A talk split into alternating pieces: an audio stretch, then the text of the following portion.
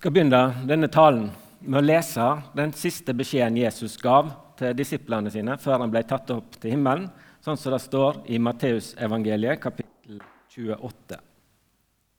Men de elleve disiplene drog til Galilea, til det fjellet der Jesus hadde sagt han ville møte dem.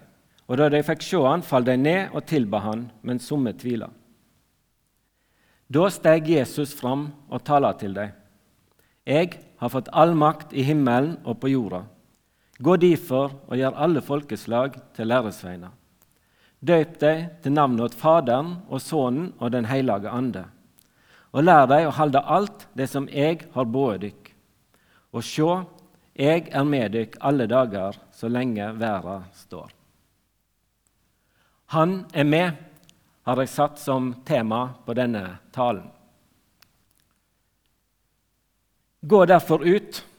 Det var det som vi ble minnet om i filmen, og som òg er navnet på tittelen på prosjektkatalogen, som gir en presentasjon av Misjonssambandet sitt arbeid rundt om i verden.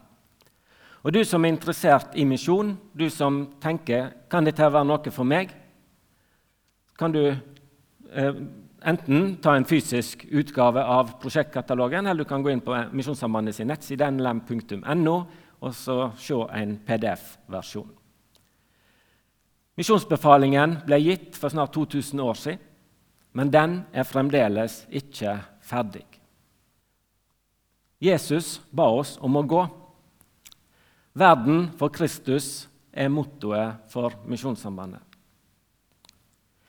Oppstarten for 130 år siden at oppstarten for Misjonssambandet var at det kom nyhetsbrev fra en engelsk misjonær som hadde reist til Kina. Han het Hudson Taylor. og Han sendte eh, bulletenger, eller brev, små nyhetsbrev, som ble sendt til Europa, og de kom òg til Norge. Og Han formidla kallet og nøden fra Kina. Og beskjeden var hvert eneste år er det 12 millioner kinesere som dør uten at de har hørt evangeliet. 12 millioner kinesere. Det rørte ved hjertene til noen unge damer i bergensområdet. Og de bestemte seg for at uh, dette her, det må vi gjøre noe med. Og Så fikk de samla sammen noen flere damer og noen menn og så sendte de i 1891 de første misjonærene til Kina. Fremdeles er det områder rundt om i verden der det er ganske få kristne. I de fleste land i verden er det kristne i dag.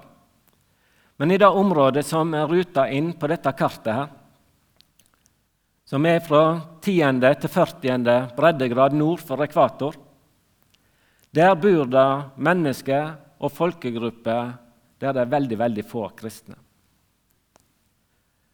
Ca. 40 av verdens befolkning i dag er såkalte unådde folkeslag, altså folkegrupper der det er under 2% kristne. Hvordan skal de bli kjent med Jesus? Hvis de skal bli kjent med Jesus, så må noen fortelle dem om han. Det området som er Nord-Afrika, Midtøsten og Øst-Asia, det er kjerneområdet for de store verdensreligionene. Med Nord-Afrika, der islam står sterkt sammen med Midtøsten.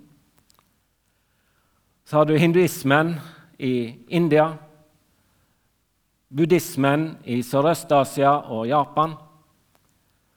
Og så er det òg en del ateistiske områder i Kina, i Mongolia, i Sentral-Asia. Hvordan skal mennesker her bli kjent med Jesus? Gå derfor og gjør alle folkeslag til læresveiner. Det var ikke mange kristne i Kina for 130 år siden. På kart, eh, denne grafen her viser utviklingen i antall kristne i Kina. Den blå streken den viser at uh, fra 1950 så var det fremdeles veldig få. Rundt 3,5 millioner mennesker. Og en befolkning som allerede på den tid var mange hundre millioner i Kina. Men så skjedde det en utvikling.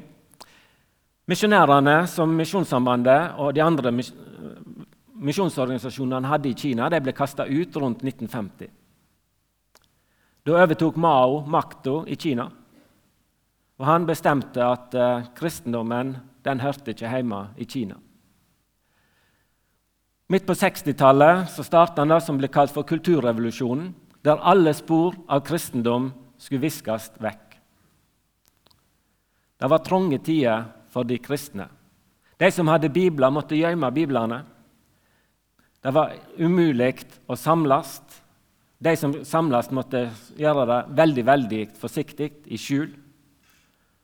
Det var mange som ikke kunne si til noen at de hadde Jesus i hjertet sitt. Midt på 70-tallet begynte ting å åpne opp. Kulturrevolusjonen tok slutt. Og Utover på 80-tallet begynte det som ble kalt for den store vekkelsen i Kina. Og Den blå grafen går nesten rett til værs.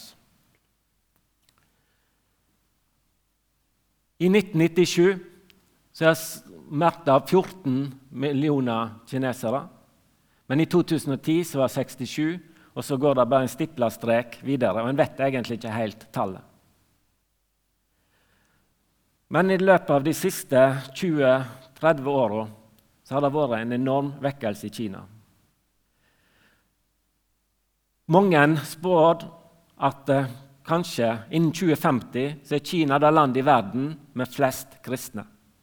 I dag er det USA som har den tittelen, sånn som en regner det. Men den blå streken den er stipla i vår tid. Og vi vet egentlig ikke helt hvordan tallet er. I dag er det vanskelig å få ut informasjon fra Kina, for ting har stramma seg igjen. Mange regner med at det er ca. 100 millioner kristne i Kina i dag.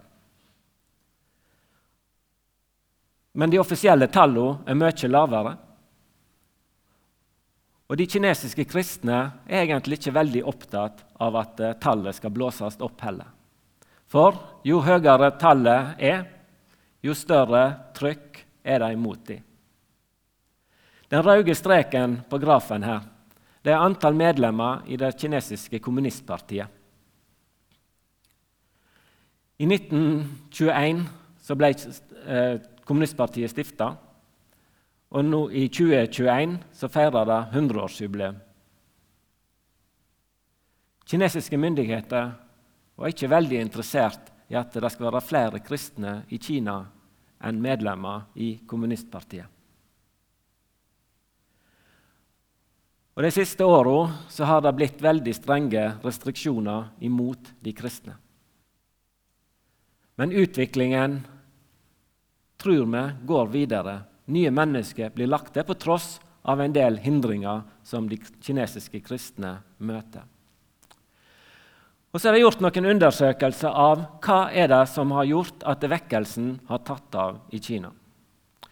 Dere som sitter lengst bak, kan nå angre på at dere setter dere der. Og Selv jeg som står her framme, sliter med å lese alt som står der. Men jeg har skrevet over litt, så kanskje noen av dere klarer å lese her. Den høyeste stolpen på hvorfor det var de ble kristne, på den undersøkelsen som ble gjort, var at det var noen som forkynte eller delte evangeliet med dem. Det var altså møte med en kristen som fortalte med sine ord hva vedkommende trodde på. Og det var det som berørte de fleste. Den nest høyeste søyla, det er helbredelse som skjedde. De helbredelsene skjedde ved at kinesiske kristne så mennesket i sitt nærområde, sitt lokalmiljø, sin familie, som hadde en plage, var syk. Og så var de frimodige, og så ba de for sin familiemedlem, sin nabo, sin kollega. Og så skjedde det et under, og de ble helbredet. Den tredje søyla, tredje høyest, det er at det, det var kinesere som observerte kristne, og den kjærlighet som de hadde. Og den kjærligheten ble de berørt av. Og så begynte det som et frø som òg skapte tru i deres hjerte. Og så er det mange skarpinger her, og dere som sitter så nære at dere kan summere alle tall, ser at hvis dere summerer her, så kommer dere langt over 1000. Og sannsynligvis er det flere ting som virker i sammen her. Men det er de viktigste tingene som ligger til grunn for den kinesiske vekkelsen. Det var noen som delte evangeliet. Det var noen som med frimodighet ba for de som hadde sykdom og plager. Og den, kjærlighet, den kjærlighet som de kristne hadde seg imellom, og som de òg utviste i møte med andre, gjorde òg noe med de mennesker som de møtte. Og stadig nye ble lagt til den kristne forsamling.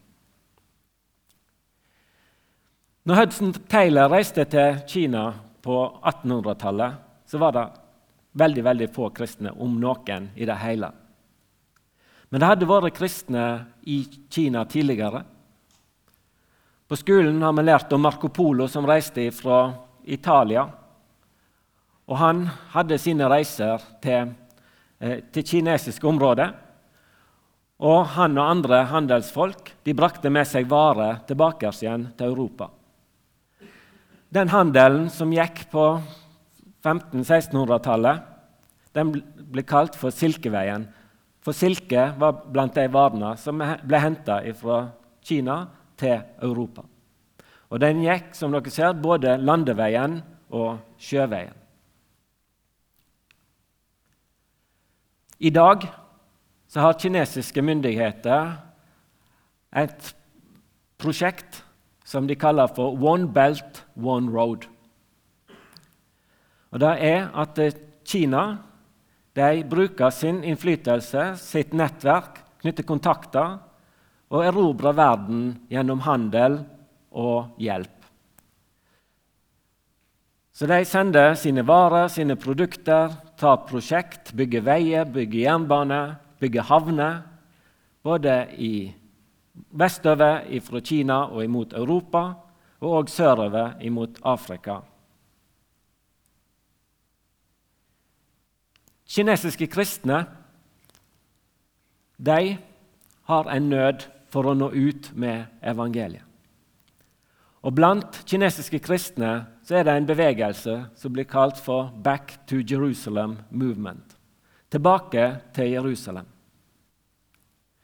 Så på samme måte som kinesiske myndigheter har et handelsprosjekt, industriprosjekt, bistandsprosjekt som går vestover og sørover, så har kinesiske kristne de følger den samme ruta, men de ønsker å dele evangeliet. For det de har fått, ønsker de å få dele med andre. Vestover, gjennom Sentral-Asia, gjennom Midtøsten og tilbake igjen til Jerusalem. Ikke nødvendigvis for at de skal evangelisere Jerusalem, men for de har en nød om at flere mennesker må bli kjent med Jesus. På veien. I Sentral-Asia, i Midtøsten, i områder der det er veldig, veldig få kristne.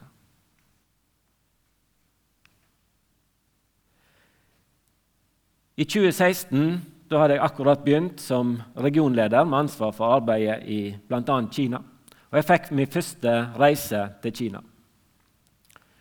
Da fikk jeg møte kinesiske kristne.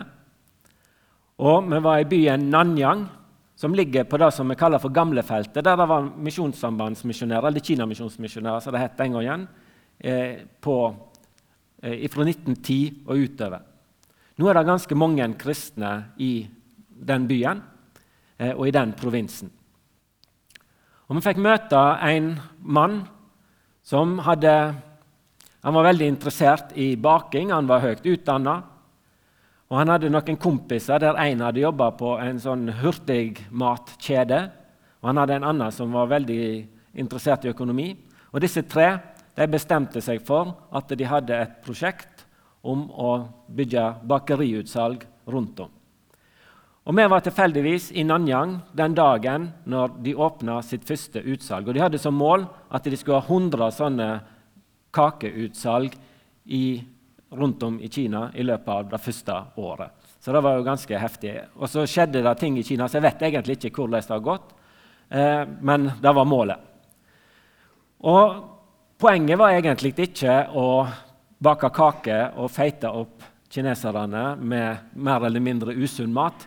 Men det var for å skape møteplasser og, og skape arbeidsplasser der de kristne kunne få jobb og jobbe. For det er ikke alle kristne som er like lett å få jobb eh, når de er kristne. Det, noen blir diskriminert for det. Men her skulle de gi arbeidsplasser til kristne, og de òg ønsket at dette skulle være evangeliseringsplasser. Så det er bakeriutsalg i første etasjen, og i andre etasjen så var det sittegruppe der folk kunne ta med seg baksten, bakvarna, kakene, kaffen, brusen og opp og ete og snakke sammen. Og der de kristne kunne dele evangeliet med de som var interessert i å høre. Og Så lå det sånne dummy-bøker i hyllene som pynta opp, og som så at det så ut som eh, bøker da, som lå der. Og Dere som sitter lengst framme, klarer kanskje å lese tittelen på den øverste boka. Jeg stussa veldig når jeg så den. Husk på at dette er langt inne i Kina. Og hva er det som står på den øverste? Jo da, Darwins teori, evolusjon gjennom 400 år. På norsk. Eller dansk, kanskje. Men iallfall veldig forståelig for meg. Så kun en sånn pappkassett som så står i bokhyllene på Ikea, men det var med norsk tekst. Veldig gøy. Men det var ei bok som ikke var sånn bokkassett eller papp, tom pappkasse, og det var Bibelen. Så hvis det var noen som ville ha noe å lese i, så eneste som var lesbart, det var ikke Darwins evolusjonsteori på norsk, men det var Bibelen på kinesisk. For de ville at de som kom i bakeriutsalget sitt. De skulle ikke bare få smaken på kake, men de skulle få smaken på Guds ord. Så får jeg ha med meg min gamle lærer på bibelskolen på Fjellhaug, Anna Sæter, som tolk og guide.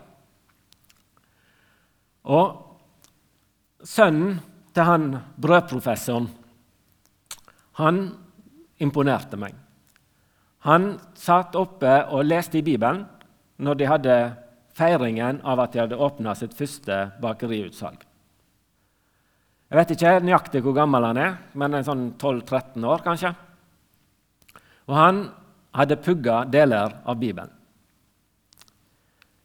Og En av de tingene han hadde pugga, var Matteus kapittel 1. Og dere som har gått i misjonssalen nå på nyåret, dere har fått en innføring i Matteus kapittel 1 og vet at den handler om Eh, etterlistene til Jesus fram imot hans fødsel. Så denne unge gutten i Nanyang han hadde altså pugga hele disse etterlistene og syntes at det var veldig interessant. Like interessant som når dere hørte talene som har vært om de forskjellige personene som er i denne etterlista. Men det er ikke mange 12-13-åringer som vi skal velge et bibelvers og pugge, går løs på begynnelsen av første kapittelet i Matteusevangeliet. Men det gjorde altså denne karen her. Men for 14 dager siden så snakket Jarle Tingbø her om Matteusevangeliet kapittel 1, vers 21. Om sjåmøya skal bli med barn og føde en sønn, og de skal gi ham navnet Immanuel. Det tyder Gud med oss. Dere lurer kanskje på hvorfor jeg har tatt på meg denne skjorta her. Noen har sikkert tenkt Kona må være 500 km vekke når hun slipper den av gårde med ei sånn skjorte på ungdomsmøte i misjonssalen. eller ungdomsgudstjeneste. Ja. Men det er et bevisst valg. For denne skjorta den fikk jeg i Nanyang i 2016. Av noen av de kristne som bodde der. Og som dere ser, så har den et kors på seg, og så står det fire kinesiske tegn. Og Jeg er ikke god i kinesisk, men jeg har fortalt at disse tegnene her, de betyr, eller uttalen ligner på Immanuel. Ordet i seg sjøl betyr ikke Immanuel, men lyden av disse tegnene til sammen utgjør ordet Immanuel. Og For mange kinesiske kristne så er nettopp disse fire tegnene noe som de bærer med seg. Når jeg går med denne skjorta, som jeg òg gjorde bevisst i kveld, så er det for å minnes at eh, de, mange av de kristne i Kina nå de har det ikke enkelt. Det er forbudt å dele kristent innhold på Internett. Det er forbudt å dele kristent og religiøst innhold til barn under 18 år. Mange sliter med å kunne finne plasser å samles. Myndighetene har kamera med ansiktsgjenkjenning på døra og inne i lokalet der kristne samles, så de vet hvem som går der, og de samler informasjon. Ting kan være vanskelig, men da bærer de på sitt hjerte Immanuel, Gud med oss. Han er med i det som er vanskelig. Åpne dører gir hvert eneste år ut en oversikt over situasjonen for kristendomsforfølgelse rundt om i verden. Og Dessverre så er Kina på vei opp. Nå er Kina på 16. plass. Og det er sterkt press fra myndigheter og det er sterkt press fra forskjellige instanser. Så de kristne i Kina har det vanskelig. Vi sliter òg med å få, få misjonærer inn i Kina, for det er ikke lett å få arbeidstillatelse der. Men det er noen av dere som er studenter, eller som har en jobb som gjør at det er naturlig å ha utveksling med Kina. Så prøv å få til det. Er du i et firma som driver med business i Kina, meld deg på og kom deg inn og få bare være der. Kanskje vil du møte noen kristne som du kan være med og støtte.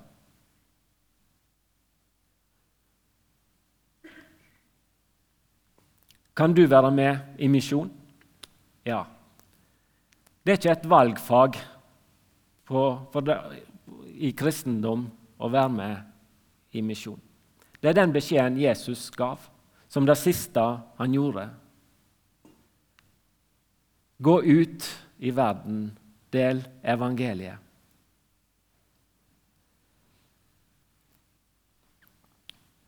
Men i stad så sa jeg at uh, i 1040-vinduet så er det mange mennesker som bor der, som aldri har fått hørt evangeliet. Og Det er de områdene i verden der det er flest hinduer, buddhister og muslimer.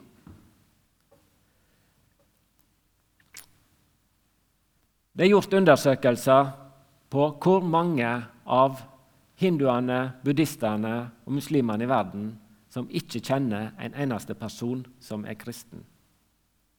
Hvor høyt eller lavt tror du det tallet er? Hvor mange prosent er det som ikke kjenner en eneste kristen. Hvis du våger, så kan du høre hva sidemannen har tenkt, og del med den. Vær så god. Der kommer svaret. Det Var noen som var i nærheten?